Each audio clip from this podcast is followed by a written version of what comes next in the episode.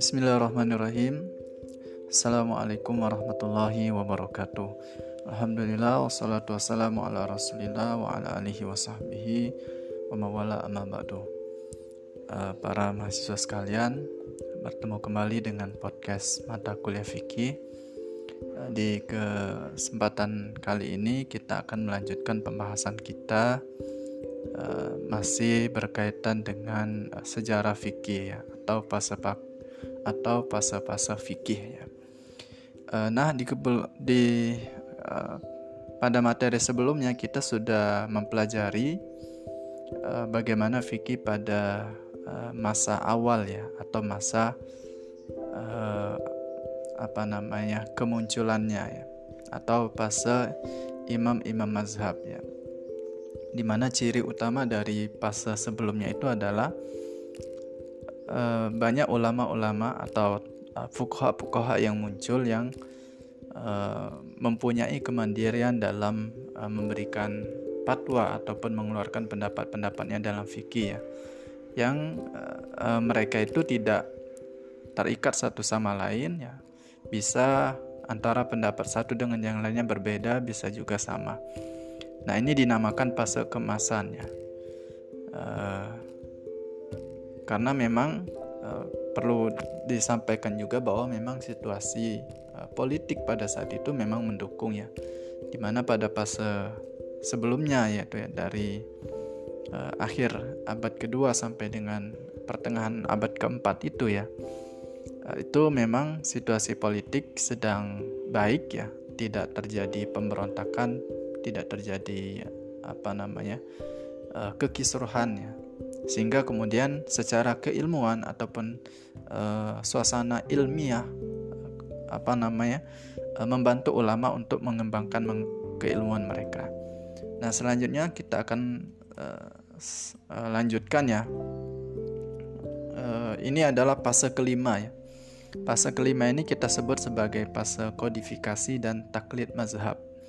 Jadi kita bagi menjadi dua ya uh, yaitu fase kodifikasi dan taklid taklid mazhab ya.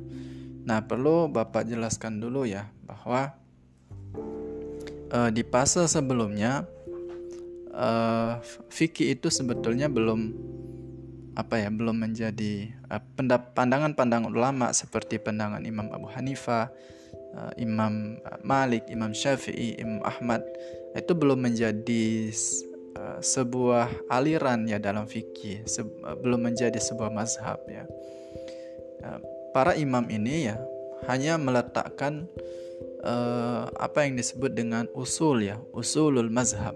Usul mazhab ini adalah pokok-pokok ya ataupun dasar-dasar dalam para imam-imam ini me mengeluarkan pendapat-pendapat fikihnya nah di fase selanjutnya atau disebut dengan kodifikasi ya ataupun pembukuan fikih itu inilah yang kemudian uh, melengkapi ya, bangunan dari fikih itu sendiri. Ya, jadi kalau kita umpamakan ketika kemunculan imam-imam uh, tadi ya Imam Abu Hanifah, Imam Malik, Imam Syafi'i, Imam Ahmad itu mereka uh, baru membangun pondasi ya atau baru membangun tiang ya. Nah, ini kan belum menjadi bangunan ya. Nah, ketik kemudian para imam-imam ini memiliki murid ya. Memiliki murid-murid yang uh, mencatat pendapat-pendapat imam mereka ya atau pendapat-pendapat guru mereka yang kemudian uh, tersusun ya, tersusun kemudian apa namanya dibukukan dan inilah yang kemudian menjadi uh, mazhab fikih. Nah ya. Jadi Eh, pandangan Imam Abu Hanifah, kita contohkan satu misalnya. Imam Abu Hanifah itu tidak menulis pandangan pandangan fikih beliau ya. Tapi muridnya lah yang kemudian mencatat pandangan-pandangan itu. Di antara muridnya yang paling berjasa adalah uh, Al-Imam Muhammad uh, Hasan Asy-Syaibani ya. Yang uh, yang kemudian menulis uh, ada beberapa buku ya yang meng mengumpulkan pendapat-pendapat Imam Mazhab.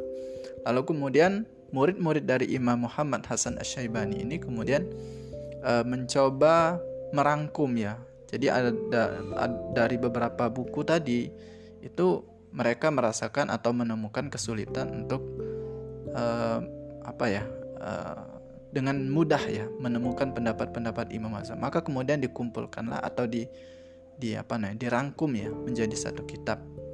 Uh, misalnya dikarang oleh uh, ada kitab namanya Al-Kafi. Lalu kemudian seterusnya muncul-muncul apa murid-murid uh, ya murid-murid yang setelah uh, apa namanya generasi mereka ini kemudian menjelaskan ya memberikan catatannya kemudian merangkum lagi. Nah, inilah yang kemudian disebut sebagai kodifikasi fikih. Nah, jadi pada fase yang kelima ini pas kita sebut sebagai fase kodifikasi dan taklid mazhab. Nah, fase ini adalah dimulai dari pertengahan abad keempat ya, 4 Hijriah sampai dengan pengakhiran abad ke-13. Sebetulnya ini kita kita bagi menjadi dua ya karena ini cukup panjang. Fase jadi kita bagi menjadi dua. Fase pertama itu adalah fase uh, dimulai dari abad keempat sampai dengan uh, kejatuhan kota Baghdad ya.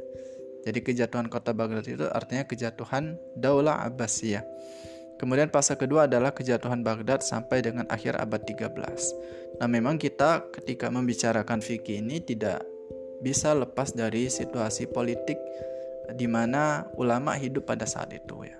Karena situasi politik ini memang menentukan bagaimana uh, suasana ilmiah ya pada saat itu.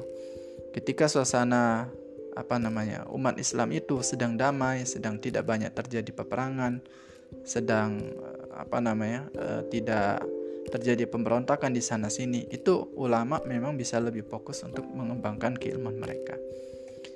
Uh, jadi fase kelima ini ya Eh, ini Bapak jelaskan dulu yang bagian pertama ya, yaitu dari abad ke-4 sampai dengan kejatuhan Baghdad ya, itu pada tahun 650-an ya. Kondisi politik pada saat itu ya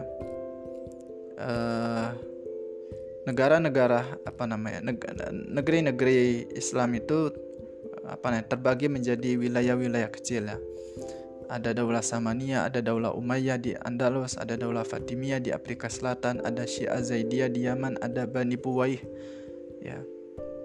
Walaupun uh, pada saat itu masih uh, pemerintah itu ya apa namanya? secara secara apa ya? secara hukumnya atau secara pengakuan uh, itu mas semuanya masih berada di bawah dinasti Abbasiyah atau Daulah Abbasiyah ya.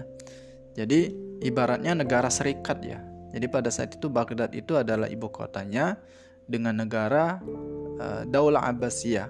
Kemudian di bawah Abbasiyah ini di setiap wilayah-wilayah itu ada eh, negeri-negeri ya. Ada Samania kita sebutkan tadi ada Daulah Umayyah di Andalus ya. Umayyah ini kita kita apa kalau kita kembali ke uh, apa namanya pembahasan sebelumnya itu uh, ini adalah apa namanya, kelanjutan dari ekspansi dari dinasti Umayyah ya. Jadi ada beberapa gubernur yang uh, ditugaskan di sana kemudian mereka mendirikan dinasti atau daulah juga di sana. Nah, jadi uh, seperti itu kondisinya ya. Jadi terjadi apa namanya uh, uh, apa wilayah-wilayah negara-negara e, negeri Islam itu terjadi kepada menjadi wilayah-wilayah kecil ya. Jadi ada banyak wilayah ya. Kemudian terjadi juga persaingan antara Daulah Fatimiyah dan Bani Abbas. Ya, terutama ketika e, Daulah Fatimiyah ini menjadi kuat dan menguasai Syam. Syam ini kalau sekarang Syria ya dan juga Mesir ya. Kemudian dinasti Fatimiyah kemudian mengirimkan utusan ke seluruh wilayah muslim untuk bersatu dengan mereka. Sementara itu eh, gerakan ini dilawan oleh Bani Abbasiyah dengan melakukan gerakan kampanye ya bahwa Daulah Fatimiyah ini adalah pembohong ya yang uh, mereka mengaku keturunan Nabi Muhammad SAW. Jadi ada ada persaingan di situ. Kemudian di timur juga terjadi apa namanya uh, muncul Daulah Saljuk ya Kemudian di Mesir muncul Daulah Ayyubiyah ya. Kemudianlah uh, situasi seperti ini kemudian kekacauan ya ataupun ketidakstabilan ini kemudian ditutup ataupun e, memuncak ketika dunia Islam ya mengalami tragedi yang belum pernah terjadi sebelumnya yaitu serangan tentara Tatar ya yang dikomandoi oleh Holako yang berhasil membunuh Sultan Abbasiyah pada tahun 656 Hijriah. Nah, serangan ini menyebabkan jutaan kaum muslim terbunuh dan negara-negara Islam mengalami kerusakan dan kehancuran. Lalu kemudian yang berlaku ya ataupun yang berkuasa adalah orang-orang Mongol ya. Ya, jadi dikisahkan apa namanya uh, bagaimana kejatuhan kota Baghdad itu dikatakan bahwa kitab-kitab dibakar, ulama-ulama dibunuh ya. Sampai uh, digambarkan kitab-kitab itu apa namanya? banjir ya, dibanjiri oleh darah-darah. Ini apa namanya situasi politiknya pada saat itu ya. Nah, situasi ini tentu mempunyai pengaruh yang besar ya terhadap kemajuan ya ataupun kondisi uh, keilmiahan terutama dalam bidang fikih. Nah, nah, maka bisa kita katakan bahwa di fase ini uh, karena kita, situasinya seperti itu memang apa namanya tidak muncul imam-imam yang uh, mempunyai kapabilitas melakukan kemampuan melakukan ijtihad ya secara individu. Nah, jadi uh, ulama-ulama atau para fuqaha pada fase ini cenderung cenderung dalam atau cenderung kepada mengembangkan mazhab ya. Jadi ulama-ulama yang ada ini mereka uh, lebih mengembangkan mazhab yang sudah uh, mereka apa ya uh, mereka ikuti ya. Jadi misalnya ulama-ulama dalam mazhab Syafi'i mereka kemudian uh, tidak uh, memilih untuk uh, berusaha keluar dari mazhab tapi tetap dalam uh, apa terikat dengan mazhab-mazhab yang mereka ikuti. Nah, jadi faktor-faktor inilah ya uh, yang apa namanya yang uh, menggambarkan bagaimana kondisi fikih pada saat itu. Ya. Kemudian di fase ini ya kita bisa katakan bahwa fase ini adalah awal dari taklid ya. Uh, awal dari taklid taklid itu maksudnya adalah uh, taklid itu mengikuti ya secara secara sederhana mengikuti taklid itu adalah misalnya kita ini taklid ya. Kita taklid kepada mazhab Imam Syafi'i ya. Jadi lawan dari taklid itu adalah ijtihad ya. Jadi kalau kita uh, orang yang belum mampu melakukan ijtihad belum mampu mengeluarkan hukum produk hukum dari teks-teks syar uh, teks-teks ya Al-Qur'an dan juga hadis berarti kita itu adalah mukallid taklid. Nah, apa yang kemudian menyebabkan taklid pada fase ini? Di fase ini ulama lebih memilih taklid kepada imam imam mazhab mereka ya. Jadi uh, walaupun sebetulnya ya uh, imam-imam sebelum mereka itu sudah mengatakan agar jangan taklid ya.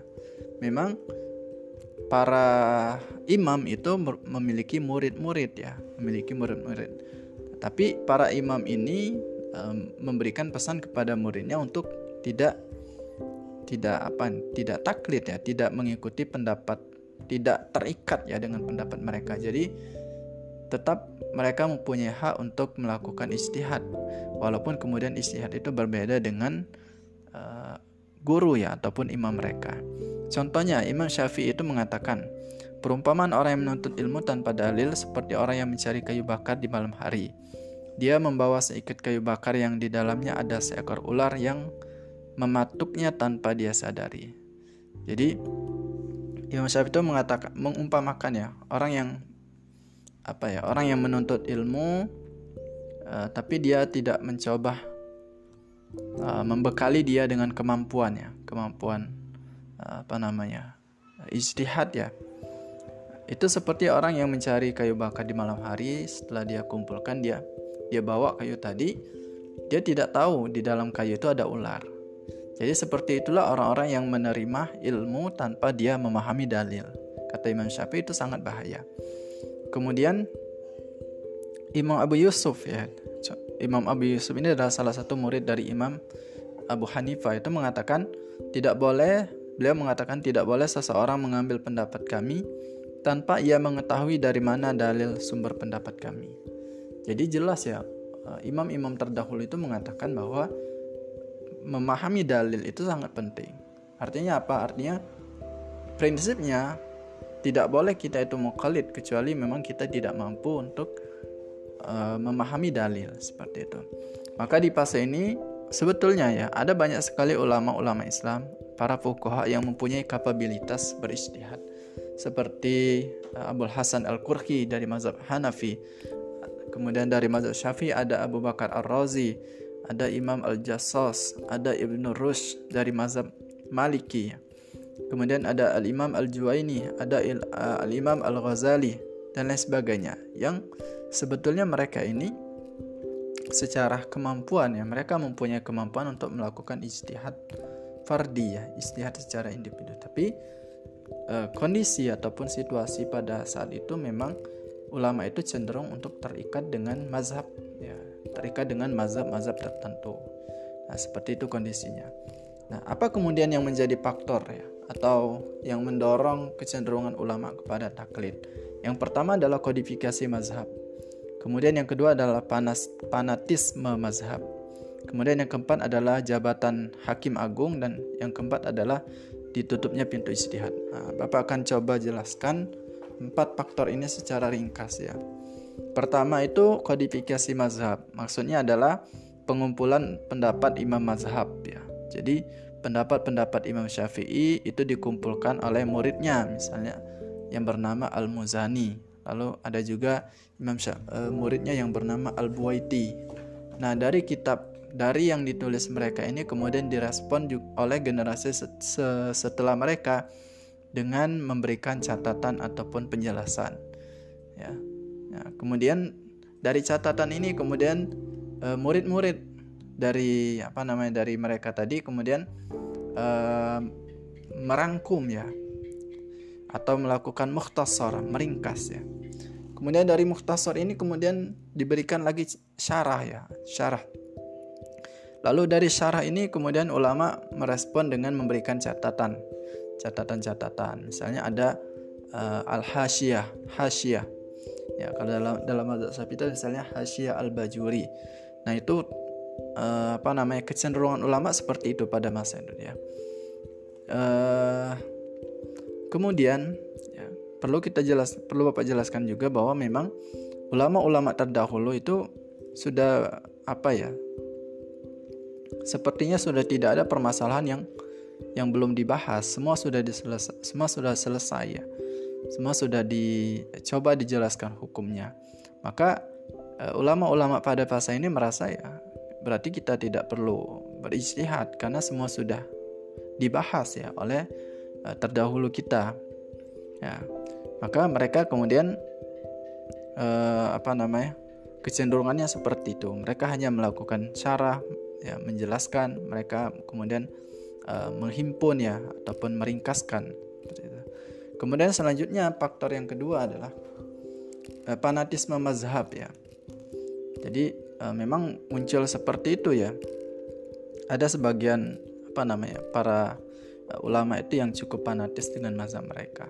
Dan memang kecenderungannya seperti itu ya ketika seseorang itu bermazhab dalam fikih dengan mazhab tertentu ataupun dalam masalah akidah dengan mazhab tertentu, dia cenderung untuk e, mempertahankan ya pendapat yang dia ikuti. Nah, misalnya ini Bapak contohkan ya, ada dalam mazhab Hanafi itu Abu Hasan Al-Qurhi dia mengatakan setiap ayat atau hadis yang bertentangan dengan mazhab kami maka harus ditakwil ataupun berstatus mansuh. Jadi dia mengatakan oh, kalau ada seperti ya ini seperti uh, memposisikan pendapat-pendapat uh, imam mazhab mereka ya imam mazhab Hanafi itu lebih lebih apa namanya lebih tinggi daripada ayat ataupun hadis. Ketika ada yang bertentangan maka mereka kemudian mentakwil yang ditakwil itu apa? Ayat Al-Quran dan hadis. Ataupun dimansuh. Ini memang ada seperti itu ya. Ada uh, apa uh, kecenderungan fanatisme itu ada. Kemudian jabatan selanjutnya faktor yang ketiga adalah jabatan hakim agung. Jadi di Daulah Abbasiyah itu ada memang uh, qadi ya, al-qadiyul qudat atau hakim agung, jabatan hakim agung yang yang itu di apa namanya diberikan kepada ulama ya. ya uh, uh, imam apa namanya hakim agung ini atau jabatan hakim agung ini memang diberikan kepada uh, apa namanya ulama ya, dari kalangan mazhab tertentu sehingga ini kemudian menjadi mendorong orang untuk uh, terikat dengan mazhab yang di dianut ya ataupun diikuti oleh negara.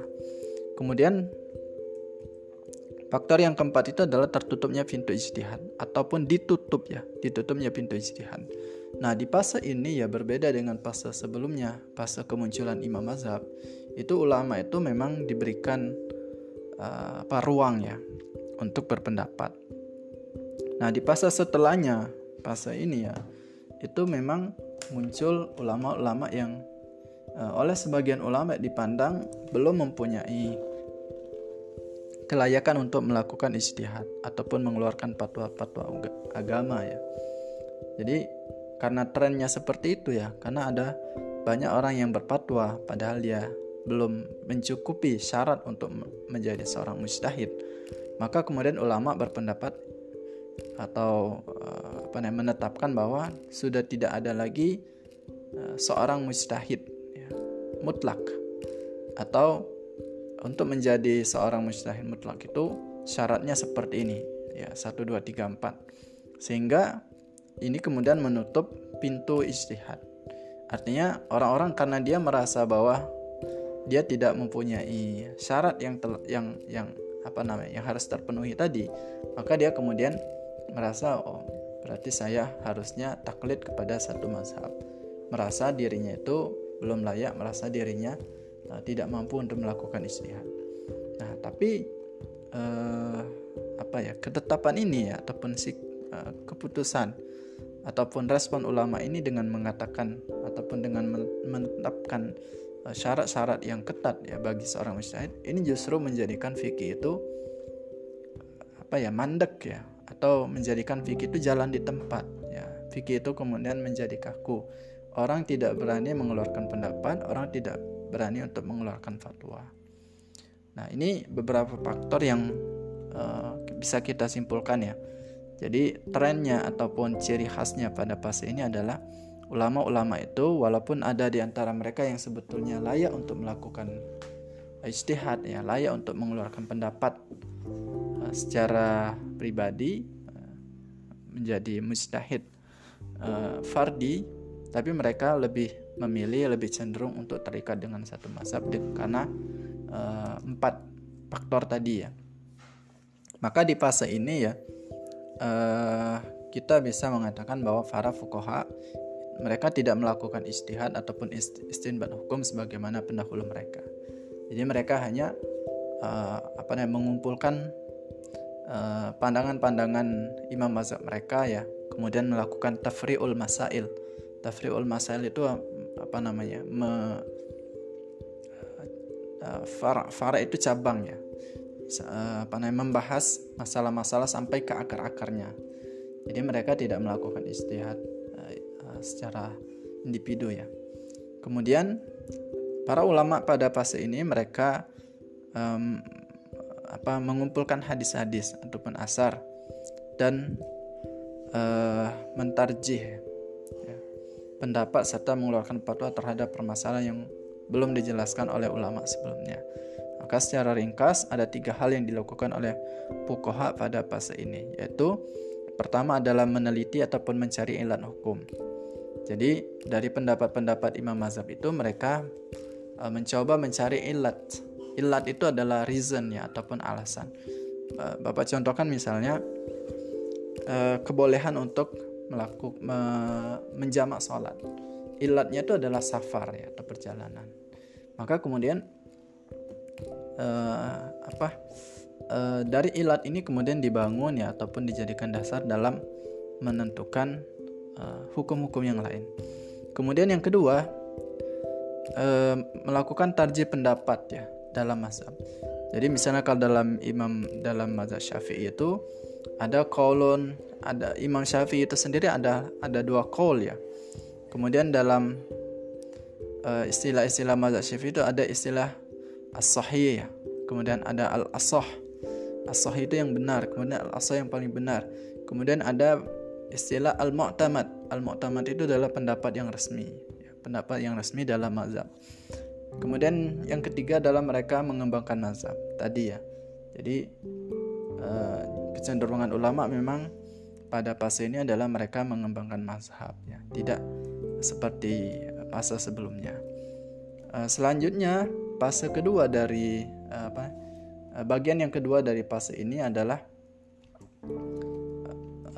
dimulai dari kejatuhan Baghdad sampai dengan akhir abad ke-13 ya lebih kurang. Nah, fase ini bisa disebut sebagai fase kemunduran ataupun fase kemandekan fikih ya.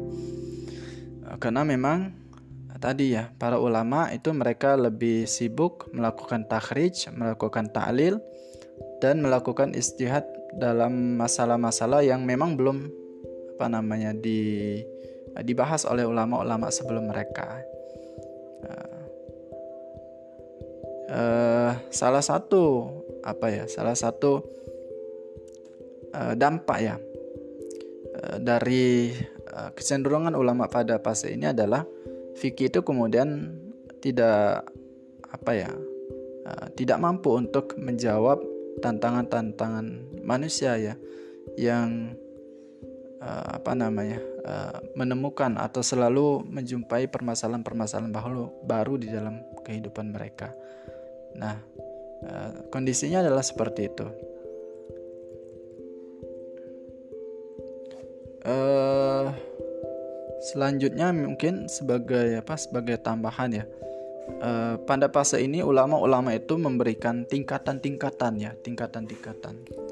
Tingkatan-tingkatan sehingga uh, dari tingkatan-tingkatan ini kemudian memunculkan istilah-istilah yang apa ya yang dampaknya itu kemudian uh, ulama yang berani melakukan ijtihad itu semakin sedikit ya.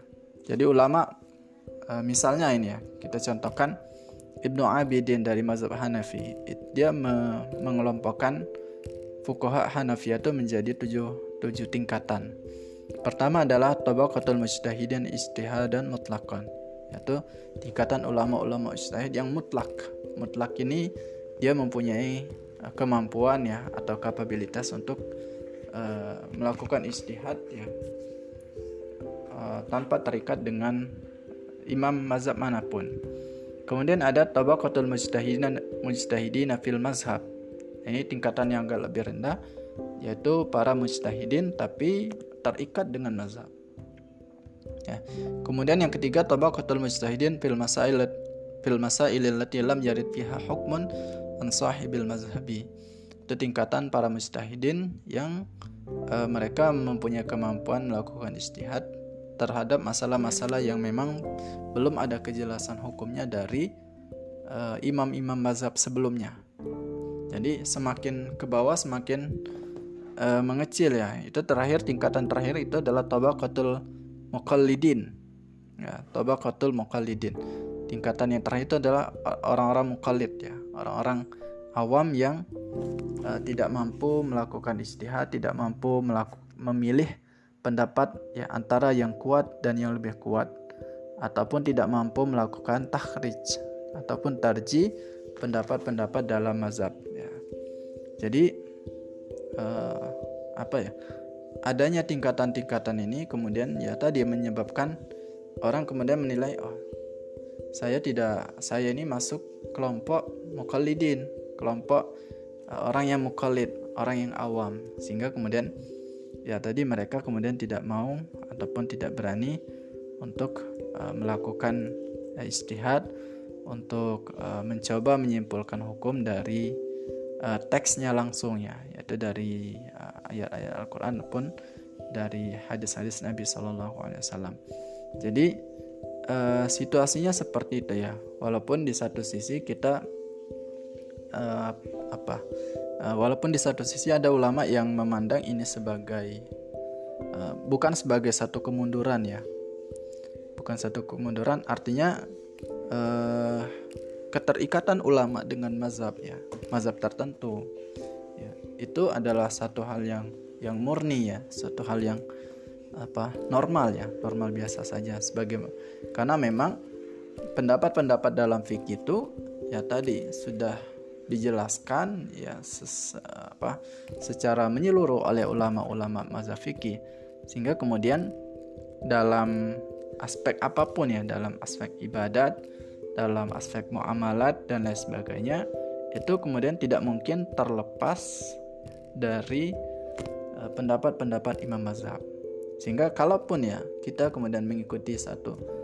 uh, pendapat dalam satu masalah, ya, misalnya ini kita contohkan ya, ini kita uh, mendekati akhir Ramadan ini ada kewajiban zakat fitri, zakat fitrah ya.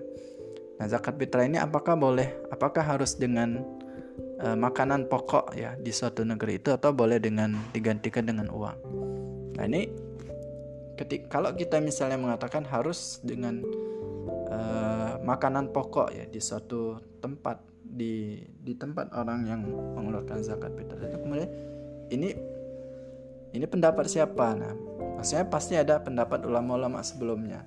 Kalau kita mengikut pendapat yang membolehkan nah ini juga adalah sudah dinyatakan oleh ulama-ulama sebelumnya. Sehingga memang apa pun pandangan dalam fikih yang kita ikuti kita tidak mungkin berlepas ataupun uh, mengatakan untuk bahwa kita itu tidak mengikuti mazhab mana pun.